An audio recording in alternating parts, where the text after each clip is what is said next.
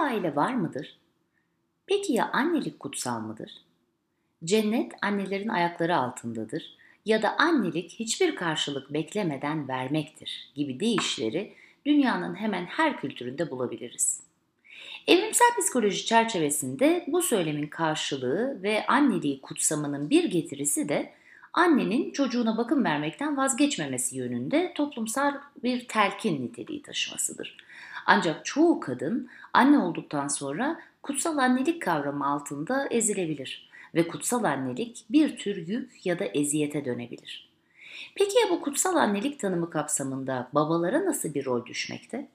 Bu hafta aile sistemini ve ebeveynlik rollerini psikoanalitik literatür alanında doktora sahibi yazar Nihan Kaya ile konuştuk. Merhabalar.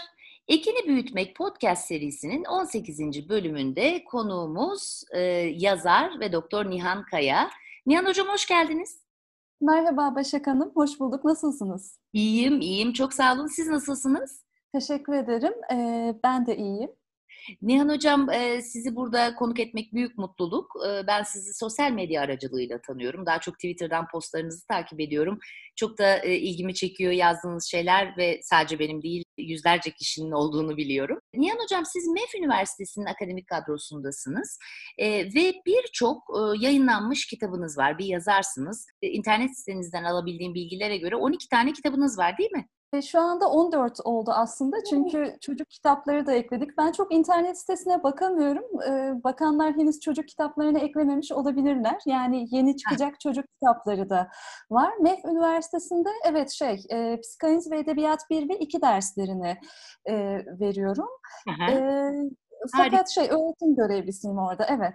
Biraz belki eğitim geçmişinizden bahseder bize kim olduğunuzu tanıtabilirsiniz. Sizin ağzınızdan dinlemek isteriz. Tabii ben Boğaziçi Üniversitesi İngiliz Dili ve Edebiyatı bölümünden mezun oldum 2001 yılında. E, psikanaliz ve edebiyatla her zaman ilgileniyordum. Orada da zaten psikanalitik eleştiriyi seçmiştim. Daha sonra İngiltere'de University of Essex'te o zamanlar adı Center for Psychoanalytic Studies'ti. E, psikanalitik Çalışmalar Merkezi'nde psikanalitik çalışmalar üzerine yüksek lisans yaptım. Bu arada interdisipliner bir konuda e, çalışıyordum. O yüzden tekrar e, Londra'da King's College London'da devam ettim. E, doktora tezimde şeyle alakalıydı yani yaratıcılık. Ve yaratıcılık da o kadar çok ebeveyn ve çocuk ilişkisine benziyor ki bugün konuşacağımız şeyler de onlarla ilgili olacak herhalde. Şu anda yazma cesareti adıyla bulunuyor. Fakat sadece edebiyat ve yazmak değil, genel olarak yaratıcılık dalları. Çünkü yaratıcılık içimizdeki anne baba ve çocuk ilişkisiyle alakalı. O yüzden bugün her neyden bahsedeceksek aslında bunların hepsi içimizdeki anne baba ve çocukla da ilgili diye de bir not düşmek isterim. Harika. Nihan Hocam, şimdi özellikle iyi bilinen kitaplarınızdan İyi Toplum Yoktur ve İyi Aile Yoktur isimli iki kitabınızı biliyorum. Biraz bunlar çerçevesinde de hem konuşmak istiyorum hem de genel olarak ebeveynlikle ilgili, ebeveynliğin çocuklar üzerindeki belki hayat boyu süren etkileriyle ilgili birlikte konuşabiliriz diye düşündüm. Bana çok ilginç geliyor bazı postlarınız. O yüzden de sizle konuşmak istedim. Bugün siz de sağ olun kırmadınız konuk olduğunuz programa. Size sormak istediğim şu. Şimdi daha çok yazılarınızda ve yaptığınız postlarda şöyle bir genel anlayış olduğunu belki söyleyebiliriz. İyi niyetli olsalar da aslında ebeveynler çoğu zaman kalıcı hasarlarda bırakabiliyorlar çocukların üstünde. Bu da daha çok hem kural koyma çerçevesinde ortaya çıkan durumlardan da bahsedebiliriz ya da belki de aslında sizin de psikoanalitik çalışmalar aracılığıyla bahsettiğiniz gibi e, çeşitli kendisinin bile farkında olmadığı değil mi? Özellikler üzerinden bunu çocuğa dayatmayla ortaya çıkabilecek şeyler var.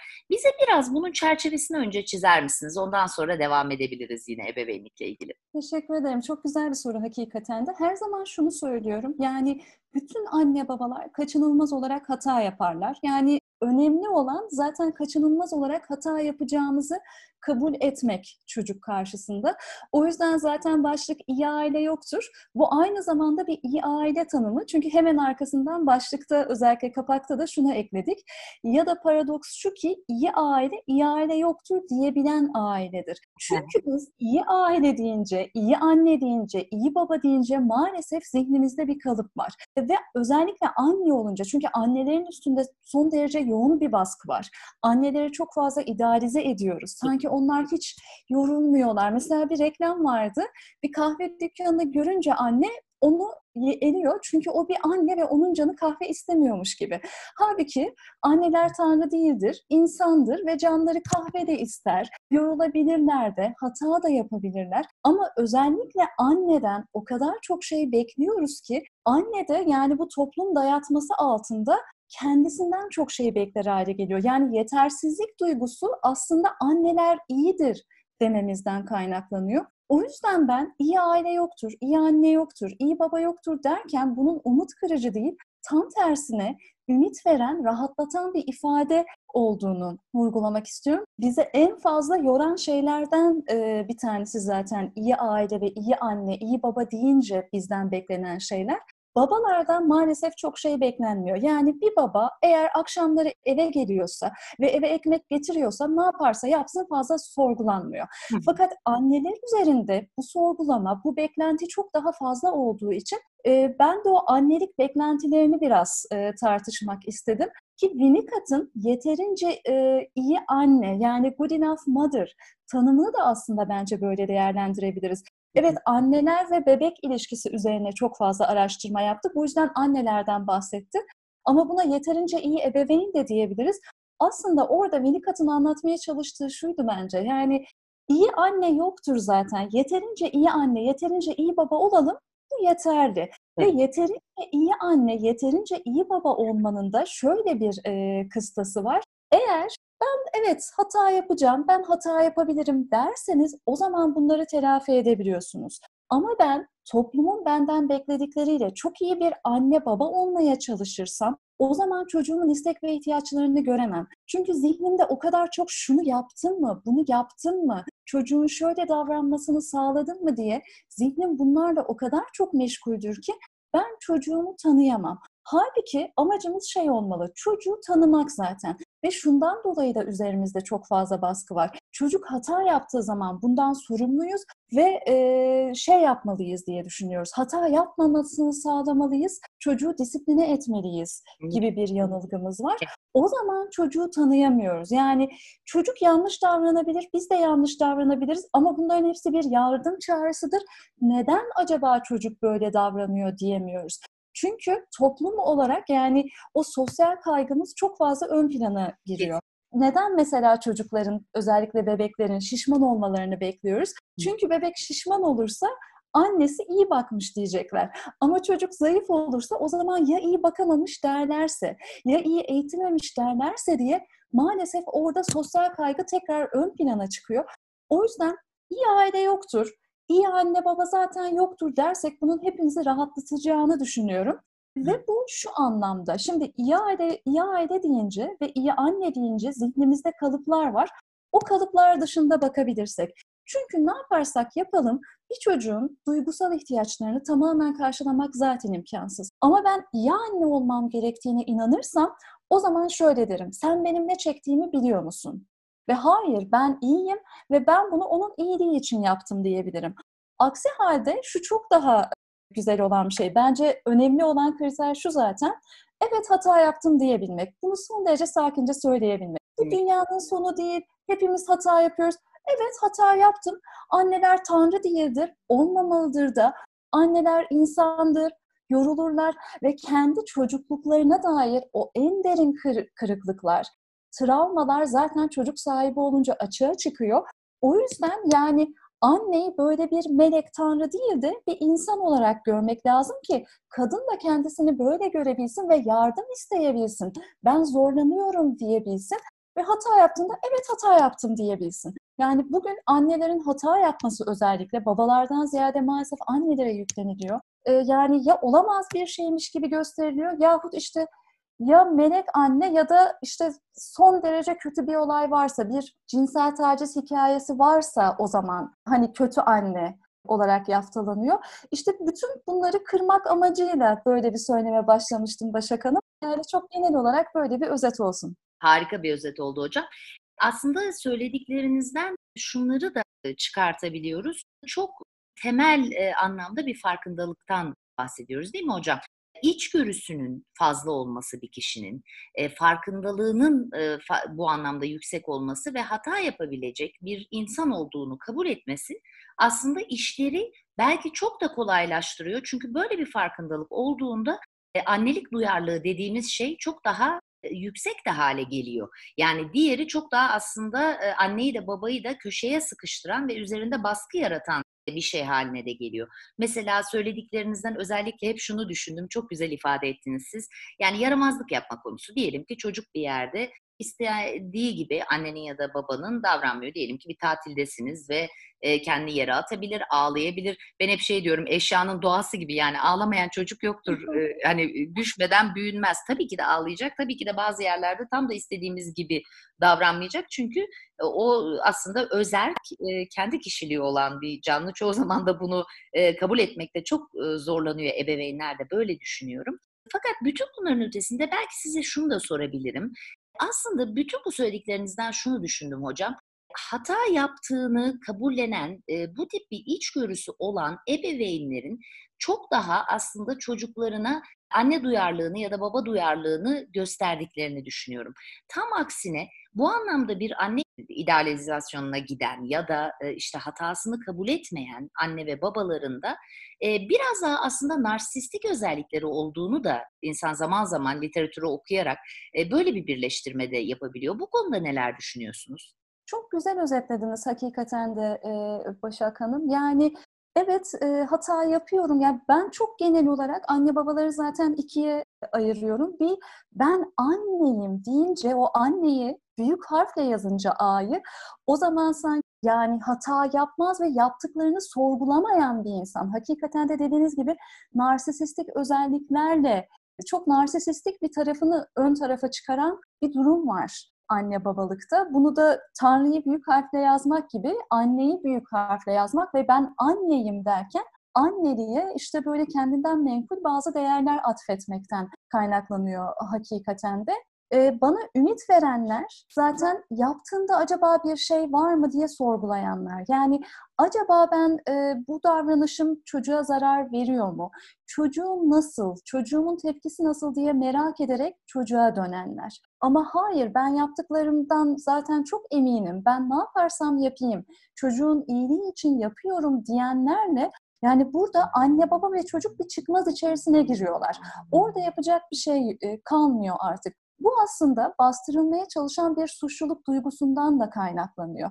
Çünkü anne babalar olarak çok suçluluk hissediyoruz Hı. ve o suçluluğu bastırmak için de ama ben onun iyiliği için yaptım diyoruz. Orada şuraya dönmek gerekiyor. Suçluluk hissimiz kendi çocukluğumuzdan kaynaklanıyor. Çünkü suçluluk hissi doğuştan gelmeyen hislerden ve Clarissa Estes de işte e, suçluluk ve utanma hissinin doğal olmadığını, istismar neticesinde anne babanın çocuğu istismar neticesinde ortaya çıktığını söylüyor. Ve bizim anne baba olunca çok daha güçlü şekilde ortaya çıkan suçluluk hissimiz aslında çocukluğumuzda anne babamıza karşı duyduğumuz suçluluk hissimiz.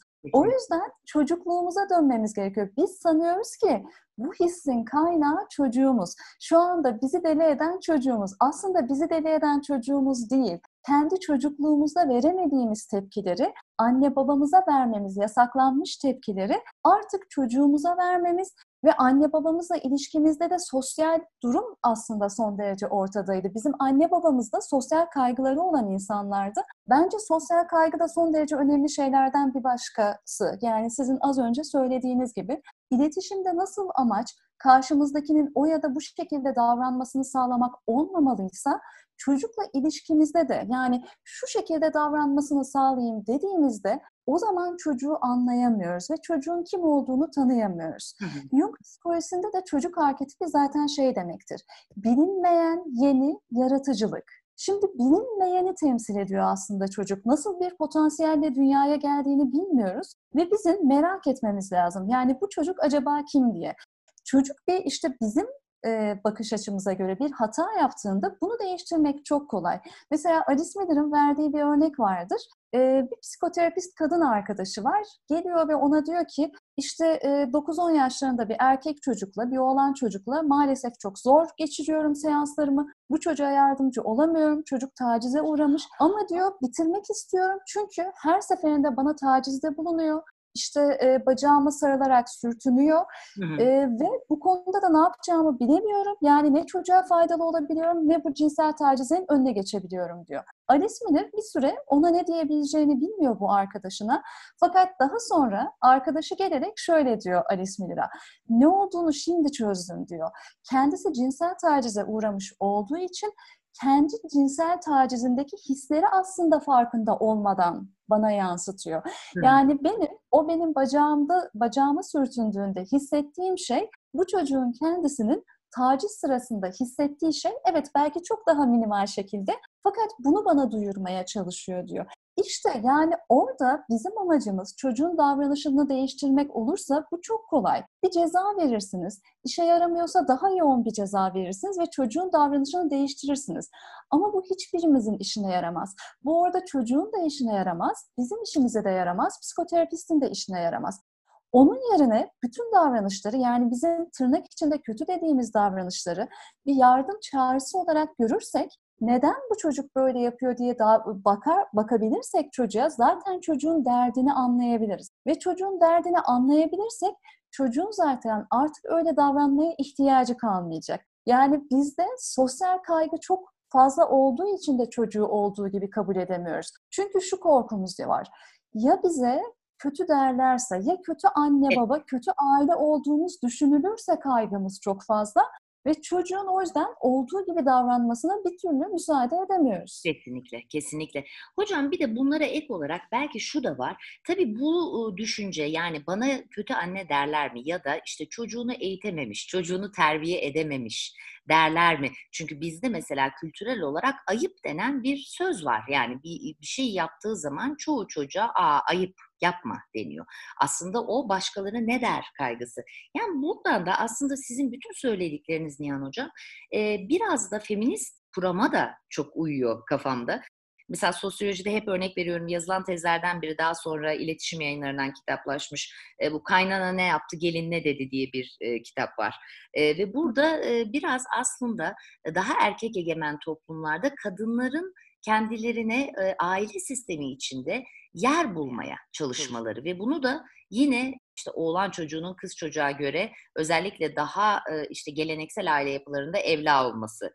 Bunun üzerinden güç, prestij kazanma, kimi e, ailede sözü geçiyor üzerinden güç kazanma, prestij kazanma. E bunun bir boyutu da çocuğuna ne istediklerini yaptırabilmek ve bunu aslında sosyal anlamda etrafa da gösterebilmek. Çünkü ilk yanlış giden şeyde ya da yaramazlıkta anne yetiştirememiş, anne yapamamış e, suçlamasını çoğu farklı sosyoekonomik statüde de görüyoruz. Bazen şaşırarak da aslına bakarsanız. Yani bu anlamda aslında biraz da kadınların toplumdaki yüzyıllardır gelen bastırılmışlığıyla ilgili bir e, durum da olduğunu düşünüyorum. Çünkü dediğiniz gibi hala o sosyal kaygının altında yani benim çocuğum böyle davranmamalı düşüncesi var. Çünkü onun da altında belki işte el alem ne der durumu ya da başkaları ne der. Ama bu da çok sebepsiz olmayabiliyor zaman zaman. Çünkü mesela ilk bölümümüzde bunu işlemiştik. Annelere yönelik eleştirilerle ilgili anılar. Şunu da biliyoruz. Mesela şu sorular çok geliyor. Niye ağlıyor bu çocuk? İşte bu çocuk aç, bu çocuk üşür böyle ya da işte senin sütün yeterince beslemiyor bu çocuğu gibi annelere çok fazla ithamda da bazen yerli bazen yersiz öyle söyleyeyim eleştirilerde de bulunuyor. E, kısaca sormak istediğim şey belki de siz bu bahsettiklerinizle biraz da literatüre daha hakim bir yani psikanalitik çalışmalara da hakim biri olarak feminist kuramı e, bağlantılandırıyor musunuz ya da nasıl bağlantılandırıyorsunuz bunu da merak ediyorum. Ben çok güzel özetlediğinizi düşünüyorum. Hakikaten de anne babalıkla ilgili temel sorun bir cinsiyet sorunu ve bunlar feminist kuramla beraber düşünülmeli. e, diye düşünüyorum. Yani kadın zaten hayatında çok e, şey oluyor. Yani ona bir iktidar alanı sağlanmıyor. Ama anne olunca sözde anne diye yüceltiyoruz ama o bir yüceltme değil aslında. O bir yük. Ve anne ne yaparsa yapsın, işte çocuğunu hastanelik edecek kadar dövmediği sürece, cinsel tacizde bulunmadığı sürece ama annesidir, onun için e, iyisini biliyordur diyoruz e, ve o yüzden orada sanki anneliği yüceltirken aslında e, kadını yeniden bir çıkmaza sokmuş oluyoruz. E, ve şey de var, bir yandan aslında eleştiriler de dediğiniz gibi her yandan devam ediyor. Yani işte mesela bu ağlama konusunda. Çocuk tırnak içinde düzgün davranmak zorunda ve eğer düzgün davranmıyorsa hemen anneye dönüyor bakışlar. Mesela ağlama örneğini çok güzel verdiniz. Bebekler ağlar. Her yerde ağlar. Dünyanın her yanında. Ve bu son derece normal bir şeydir. Yani köpekler havlarlar, kediler miyavlar ve bebeğin de ağlaması sağlıklı olan normal bir şeydir. Zaten çocukların tepki vermesi de sağlıklı olan bir şey. Aslında bebek ağlamayınca korkmamız lazım. Fakat orada bizim anneye dönmemiz sanki böyle annenin eğitmesi gerekiyor, susturması gerekiyor. Orada susturmakla görevli bir insan e, gibi. Ben toplum olarak orada şöyle bir tepki vermemiz gerektiğini düşünüyorum. Şöyle bir örnek vereyim. Eşim işte havaalanına giden bir servise binmiş ve bebeğin annesi var. Bir de herhalde e, anneanne olabilir, babaanne olabilir. Daha büyük yaşta bir kadınla bir adam var. Çocuk ağlıyor fakat çocuk ağlayınca rahatsız oluyorlar. Anne de aslında o sırada daha rahatmış çocuk. Fakat daha yaşlı olan e, kadın bebeği alarak yani böyle sarsmaya başlamış. Yani şey sussun diye herhalde. Eşim önce anlamaya çalışmış.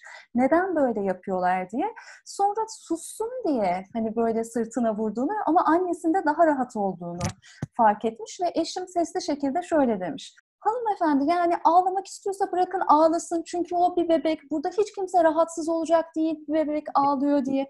Şimdi servistekiler de bunu duyunca başlarını sallamışlar. Çünkü özellikle annelerde, babalarda da var ama annelere çok daha fazla yüklendiğimiz için böyle bir korku da oluyor. Ya beni eleştirirlerse? Biz birbirimize sesli şekilde o bir bebek bırakın ağlasın dersek, bebeklerin ağlaması normal, hiç kimse bundan rahatsız olmaz dersek o sırada rahatsız olan kişi de kendisini düşünebilir. Ya ben neden rahatsız oluyorum acaba? O bir bebek ve bebeklere anlayış gösterilir. Çocuklara da anlayış göstermemiz gerekiyor. Yani bu aslında oradan çıkıyor. Yani bebekler ve çocuklar bize uygun gelmeyen şekillerde davranabilirler. Fakat her birimiz buna anlayış göstermeliyiz ve orada anne babayı suçlamamalıyız. Onun yerine bu çocuğun ihtiyacı nedir diye düşünebiliriz ama bu anne babaya yönelik bir suçlama olmamalı. Yani eğer anne babalar başkalarının onları bu kadar suçlayacağını düşünmeseler çok daha rahat olabilirler. Burada bir şeyden daha bahsedeyim. Jung psikolojisine göre de anne arketipinin iki ucu vardır. Biri melek annedir, diğeri de cadı annedir. Aslında witch archetype yani oradaki cadı e, Witch cadı biliyorsunuz wise yani bilge kökünden geliyor ama kötü cadı anlamında bir cadı. Şimdi şöyle, melek anne tarafı hepimizin malumu. İşte e, yemeyip yediren, elinden gelenin en iyisini yapan, kendisine değil çocuğunu düşünen annenin hakikaten böyle bir tarafı da var. Diğer taraftan annenin son derece derin acıları var ve bir kadın olduğu için sosyal kaygıları da son derece güçlü. Hem kendi ailesinde hem işte kocasının ailesinde hem de genel olarak toplum içerisinde. Ve böyle olduğu için e, içinden o çocukluğuna dair kırgınlıkları çok daha güçlü şekilde açığa çıkacaktır. Ne yaparsa yapsın çocuğunun iyiliği için yapıyor değil de kendi zaaflarından dolayı da öyle davranmıştır. Yani bu da anneyi suçlamak, kötülemek değil. Bu son derece normal, insani bir durum. O yüzden Jung'un deyimiyle kötü cadı açığa çıktığında bunu şey olarak düşünmemek gerekiyor. Melek anne arketipinin bir tarafı değil de şu anda bir başka şeyin etkisi altında bu kadın. Ve neden biz bu kadına böyle hissettiriyoruz? Ee, düşünmek orada daha önemli. Harika hocam. Yarım dakikalık bir ara hemen devam edeceğiz. Şöyle bir tarafı da var belki Nihan Hocam. Onu düşünüyorum. Bütün bu söylediklerinizden yani bence söyledikleriniz çok değerli. Aslında annelerin bunu duyması bile bazen farkında olmadıkları e, sıkıntılarını fark etmelerine neden oluyor diye düşünüyorum. Yani e, çoğu zaman e, annelerin deneyiminde şunu görüyoruz. E, başta tabii çok küçükken çocuk ve çok fazla ihtiyacı varken anneye çok bağımlıyken e, aslında kadın da daha önce olan geçmişini, kimliğini tamamen neredeyse bir yana bırakıp çok uzun süreler ilk birkaç ay özellikle çocuğa yoğunlaşıyor. Ve orada da kendi kendine kaldığında çoğu zaman hele de ilk çocuksa yaşadığı deneyim ben bu kadar zorlanıyorum üstünden gidiyor, o diskur üstünden. Fakat daha sonra kendisi gibi annelerin olduğunu gördüğünde, yani öyle bir ortamdaysa tabii, çok eleştirildiği değil de tam aksine aslında bazı yaşanan sıkıntıların da normal sürecin bir parçası olduğunu anladığında daha rahatlayabiliyor. İlk aylar sonrasında yani biraz daha dünyaya artık sosyal e, hayatına geri döndüğü zamanlarda e, aslında bu iyi annelik üzerinden e, büyük bir içtenlikle olmasa bile bu Dunning-Kruger efekteki gibi e, eğer bir farkındalığı yoksa kendini çok daha iyi anne, kutsal anne, en iyi anne hatta duruma göre e, değerlendirdiği ama e, biraz da bu konuda farkındalığı olan annelerin tam aksine bazen e, çeşitli suçluluk duygularını da yoğun olarak yaşadığı gibi e, bir e, trend, bir eğilim de olabilir. Şimdi bu noktada da biraz good enough mothering'den bahsetmek istiyorum buna bağlayarak o yüzden. Yani daha narsistik eğilimlerden de bahsettik ya bu olduğunda aslında o farkındalığın olması çok zor. Çocuğa verdiği zararları anlaması hatta tahayyül edebilmesi çok zor çünkü eğittiğini düşünüyor, iyi bir şey yaptığını düşünüyor. Ama tam aksine belki bu konudaki işte farkındalığı olan kişi bundan daha büyük bir acı ya da rahatsızlık duyuyor olabilir. E, o yüzden de e, yani Good Enough Mothering'in aslında çoğu zaman bu duyarlılığı yüksek anneleri serbest bırakan, özgürleştiren bir kavram olduğunu da düşünmüşümdür hep. Yani niyetim iyi, ihmal etmiyorum, taciz etmiyorum ama elimden gelen bu kadarı gibi bir tanımdan bahsediyoruz. Bunu siz Winnicott içinde de değil mi olduğunu söylediniz yani bu tanımın. Biraz hem belki bundan bahsedebilir miyiz? Çok önemli bir şey söylediğinizi düşünüyorum yine.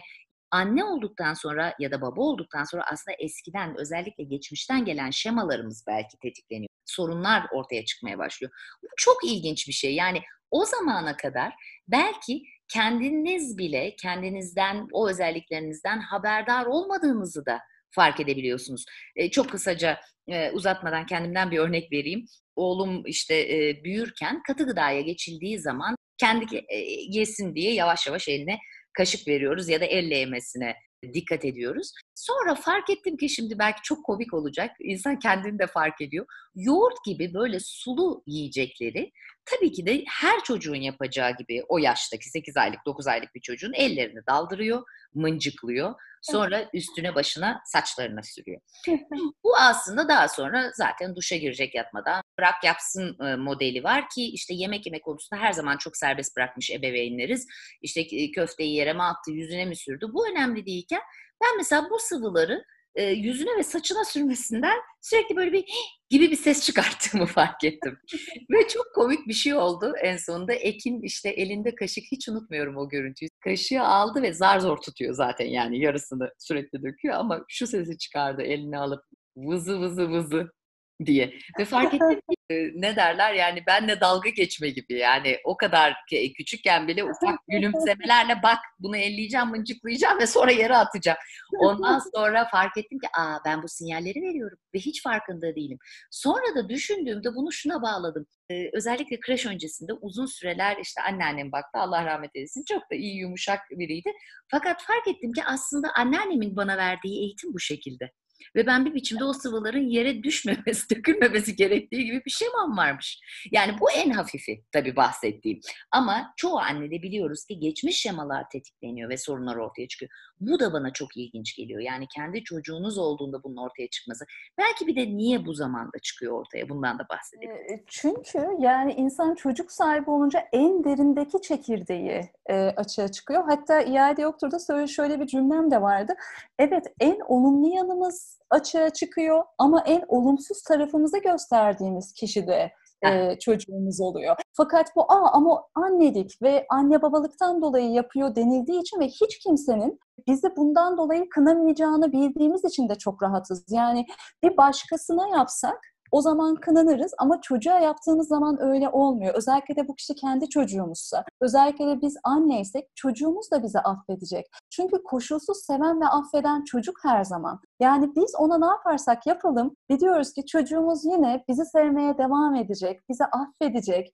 Aynı şekilde yani yine gözleri bize dönecek ve biz o yüzden de e, çok rahatız. O yüzden bir kişinin kim olduğunu gerçekten gösteren şey ve bizim de kim olduğumuzu gösteren şey anne babası olunca o zaman içimizden çıkan kişi. Yani Heh. anne baba olmak aslında bizi değiştirmiyor fakat gerçekten kim olduğumuzu bizi gö- bize gösteriyor. Fakat burada o farkındalık çok önemli. Yani biz bunun farkında mıyız? Ee, o geçmiş şemalarımızdan dolayı tetiklendiğimizin farkında mıyız? Yoksa e, bizimle ve çocukluğumuzla alakalı bir şey olduğunun farkında mıyız? Yanım vardı, bizim atölyelerimize e, katılmıştı. Onun mesela şöyle bir örneği var. Normalde hiç kimseye şiddet uygulamayan biriyimdir ama çocuğuma vurduğumda buna çok şaşırdım diyor. Ben bunu nasıl yaptım? Ben ömrümde kimseye vurmadım ve ben asla çocuğuma vurmazdım diye düşünüyordum diyor.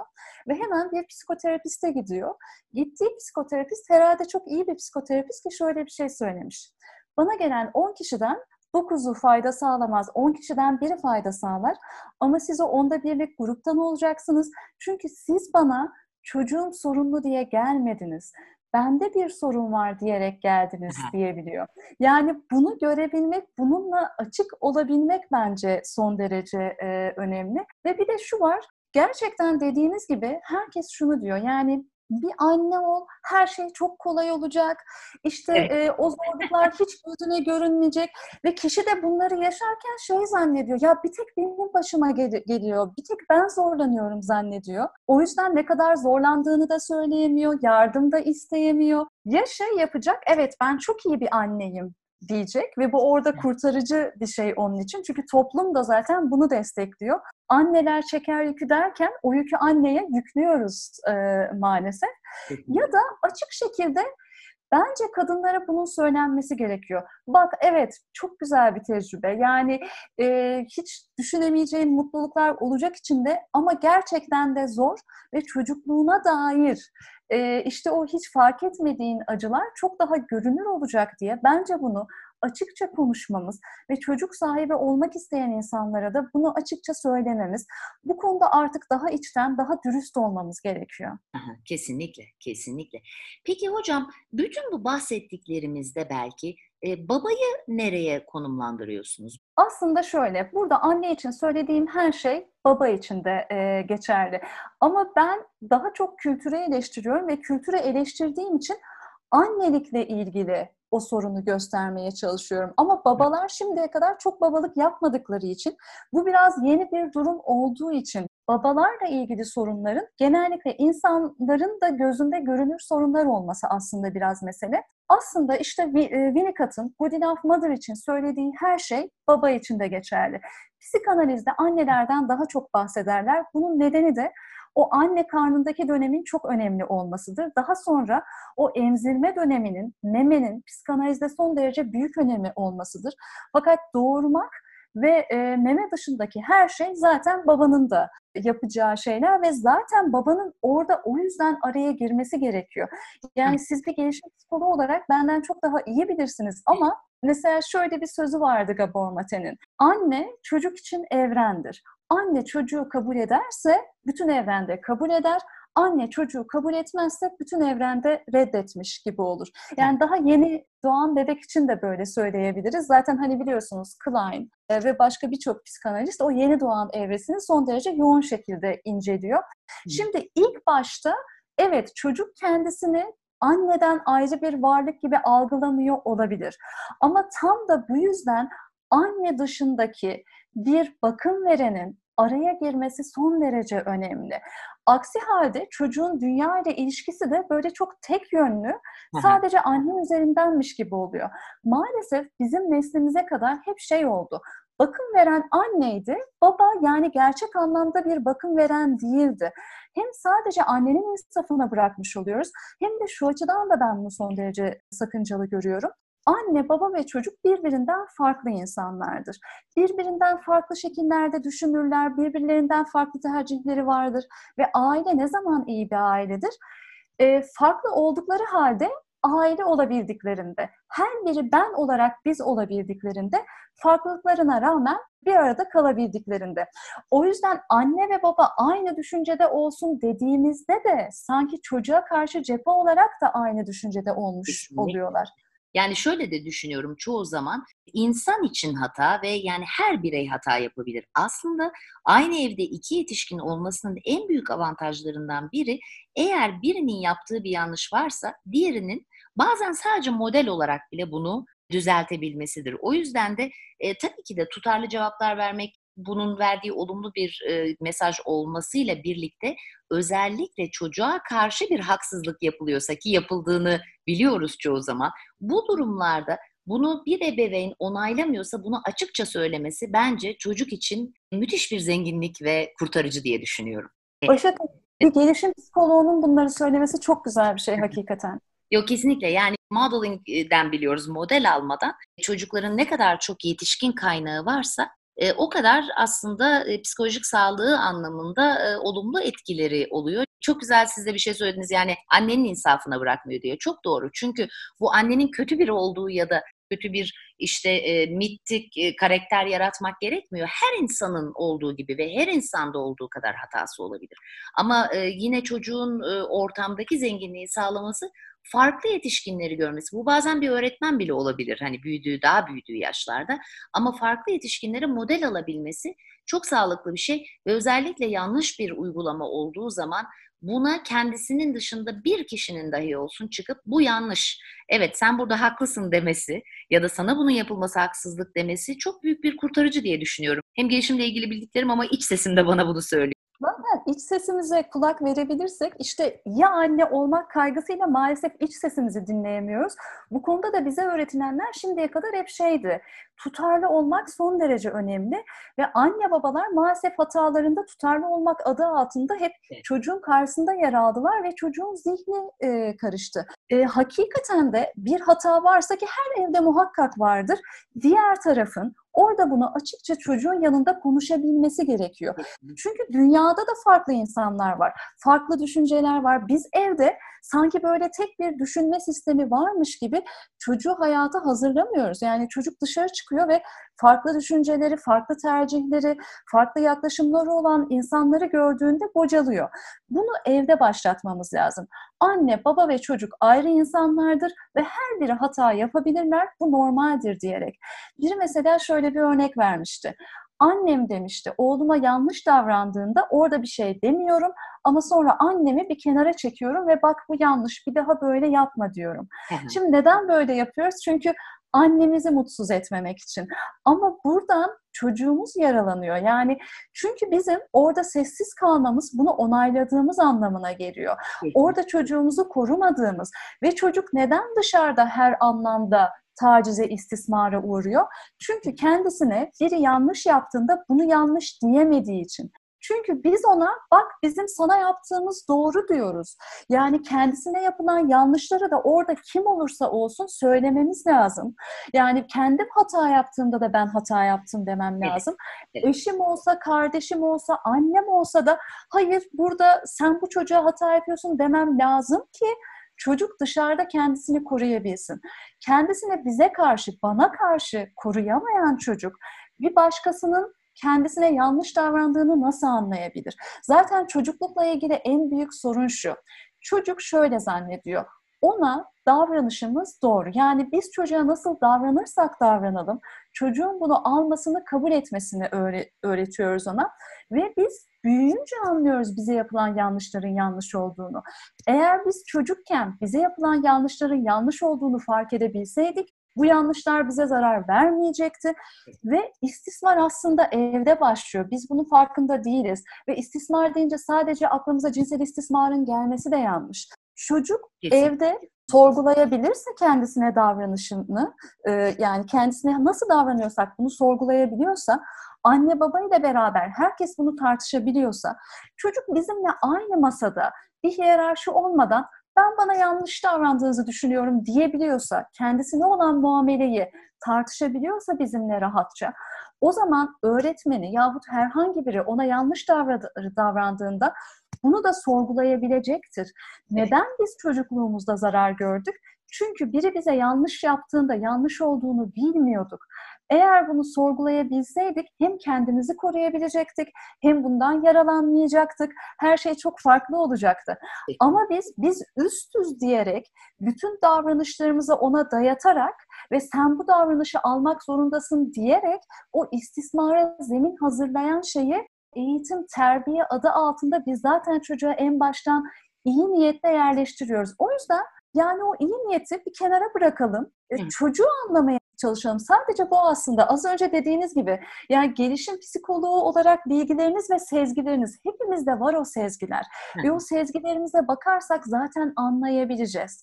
Ve çocuğumuz kendisi öğretecek bize. Yani biz çocuğumuzdan ne kadar öğrenebiliyoruz? Mesele bu. Bizim çocuğa ne öğrettiğimiz değil, çocuğumuz kim, çocuğumuz nasıl biri merak edebiliyor muyuz ve sorgulayabiliyor muyuz? Bu söylediğiniz yetersizlik hissi olan e, anne babalar da zaten kendi kendilerini sorgulayan anne babalar. Çok güzel söyledikleriniz hocam. Bir de bunlara ek olarak aslında siz konuşurken şunları da düşündüm Nihan hocam.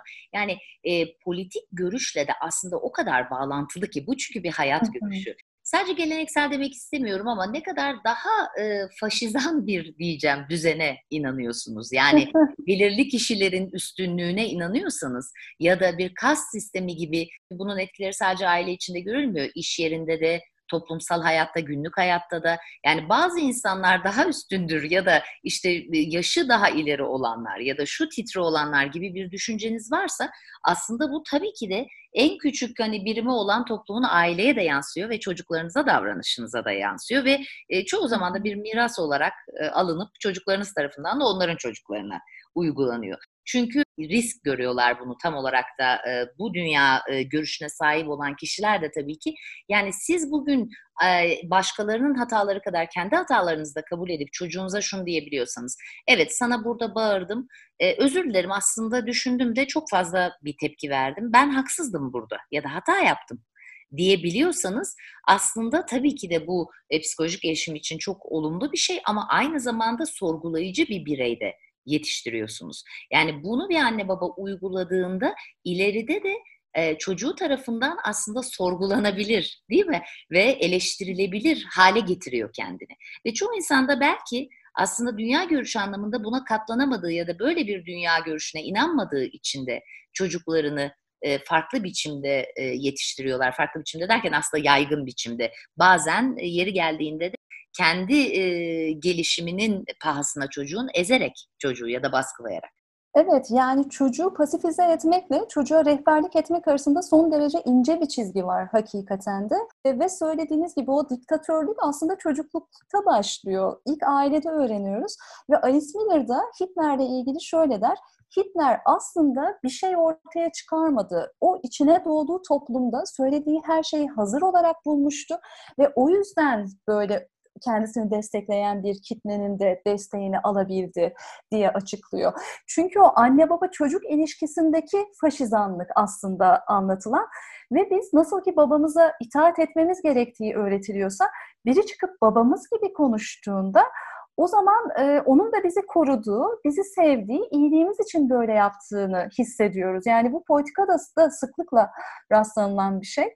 Bunun için e, şey gerekiyor yani çocuklarla konuşurken sanki doğru böyle tekmiş gibi konuşuyoruz. Şu doğru, bu yapılmaz, işte masaya ayak uzatılmaz, şu şöyle olmaz gibi.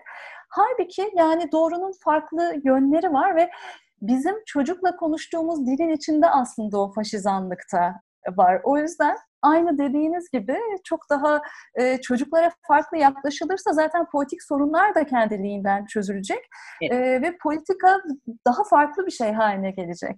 Evet yani hakikaten evde yaşı kaç olursa olsun bir çocuğu birey olarak saymak, ona da söz hakkı vermek e, aslında toplumdaki e, vatandaşların, bireylerin de aynı biçimde çoklu katılımla e, söz hakkı olması, sayılması, ezilmemesiyle el ele gidiyor diyebiliriz. Aynen dediğiniz gibi aslında toplumsal değişimle de çok ilgili diye düşünüyorum. Ben bunun anne karnında başladığını düşünüyorum. Yani anne karnındayken bile bizden ayrı biri olduğunu düşünemiyoruz. Sanki bizim şekillendireceğimiz biri gibi düşünüyoruz. Ve anne karnındaki çocukla anne konuşurken yahut baba e, henüz doğmamış çocukla konuşurken sıklıkla şöyle şeyler söyleniyor. İşte bunu seveceksin, sana şunu öğreteceğim. Onun yerine yani çocuk nasıl ki bizim gözümüzden bizimle beraber dünyayı görüyorsa şöyle diyebilirim. Yani ben şu ağaçları seviyorum, sen sever misin bilmem ama gelince sana anlatacağım gibi bir dil çocuğu kendimizden ayrıştıran bir dil. Ama biz farkında olmadan çocuğa iyilik yapma, hani çocuğu büyütme düşüncesiyle maalesef bu konuda da bir örseleme yaşatabiliyoruz farkında olmadan. Çünkü hepimiz bu şekilde büyütüldük. Burada şöyle bir örnek de aklıma geldi. E, sosyolojiden bir öğretim üyesi hocamız söylemişti. Çocuğunu Kanada'da dünyaya getiriyor ve doğum hemşiresi e, bebeği getirdiğinde çok güzel bir şey söylüyor. Diyor ki bu çocuk 18 yaşına gelene kadar size emanet. Sonra da kendisine. Bu çok hoşuma evet. gitmişti benim. Yani e, inanılmaz güzel bir aslında felsefe barındırıyor. Peki Nihan Hocam bir soru daha e, sormak istiyorum artık zaman daha fazla aşmayalım diye. Birçok kitabınız var e, ve devam da ediyor herhalde projeleriniz. E, bundan sonraki projeleriniz neler içeriyor, neler yapmayı düşünüyorsunuz? Buradan nereye? Şöyle şu anda 14 kitabım var. Bunlar arasında roman var, öykü var ve yine işte edebiyat, psikoloji alanında ve yaratıcılık konusunda yazdığım teorik kitaplar var. 14 kitaba şu anda hazırlanan 3 tane daha çocuk kitabı var. Çocuk kitapları ama aslında şey yetişkinlerin de okuyabileceği kitaplar. Zaten şöyle düşündüm. Hani yetişkinlere anlattığım bazı öyküleri çocukların hani okuyabileceği şekilde yazmıştım. Evet, ileriki vadede yine roman vesaire olacak. Şimdi İngiltere'de yeni çıkmış bir Jung ve Lacan üzerine, yaratıcılık üzerine bir kitabım var. Genel olarak aslında ben yaratıcılık çalışıyorum ama çocuk da bunun bir parçası. Çünkü Jung'un az önce söylemiştim o çocuk arketipi yaratıcılığa denk geliyor. Çünkü çocuk hepimizin içinde bir çocuk var ve bu kendimizle ilgili bilmediğimiz tarafımız, yeni tarafımız, aynı çocuk gibi ve yaratıcılık dediğimiz şey içimizdeki çocuğun kendisini gerçekleştirebilmesi ve içimizdeki anne babanın içimizdeki çocuğun kendisine gerçekleştirmesine izin vermesi. O yüzden yani çocuğa dair söylediğim ne varsa içimizdeki çocuk için de geçerli. Çünkü bu yaratıcılık için geçerli. Yani bugün çocuk karşıtı ve yaratıcılık karşıtı bir dünyada yaşıyoruz. Bunun nedenleri de hep bizim bu sohbetimizde konuştuğumuz şeyler aslında. Evet, evet kesinlikle. Nihan Hocam çok çok teşekkür ederim. Katıldığınız için de, değerli fikirlerinizi paylaştığınız için de bence harika bir program oldu. Umuyorum gelecekte yine bir programda daha beraber olabiliriz. Çok sağ olun Başak Hanım. Benim için de çok güzel bir sohbetti. Çok teşekkür ederim. Tanker, tanker küçük tekerlekleriyle duvara tırmandı. Birazcık kuyusu tırmandı. Birazcık üstte. Bak tanker duvarın en Bak.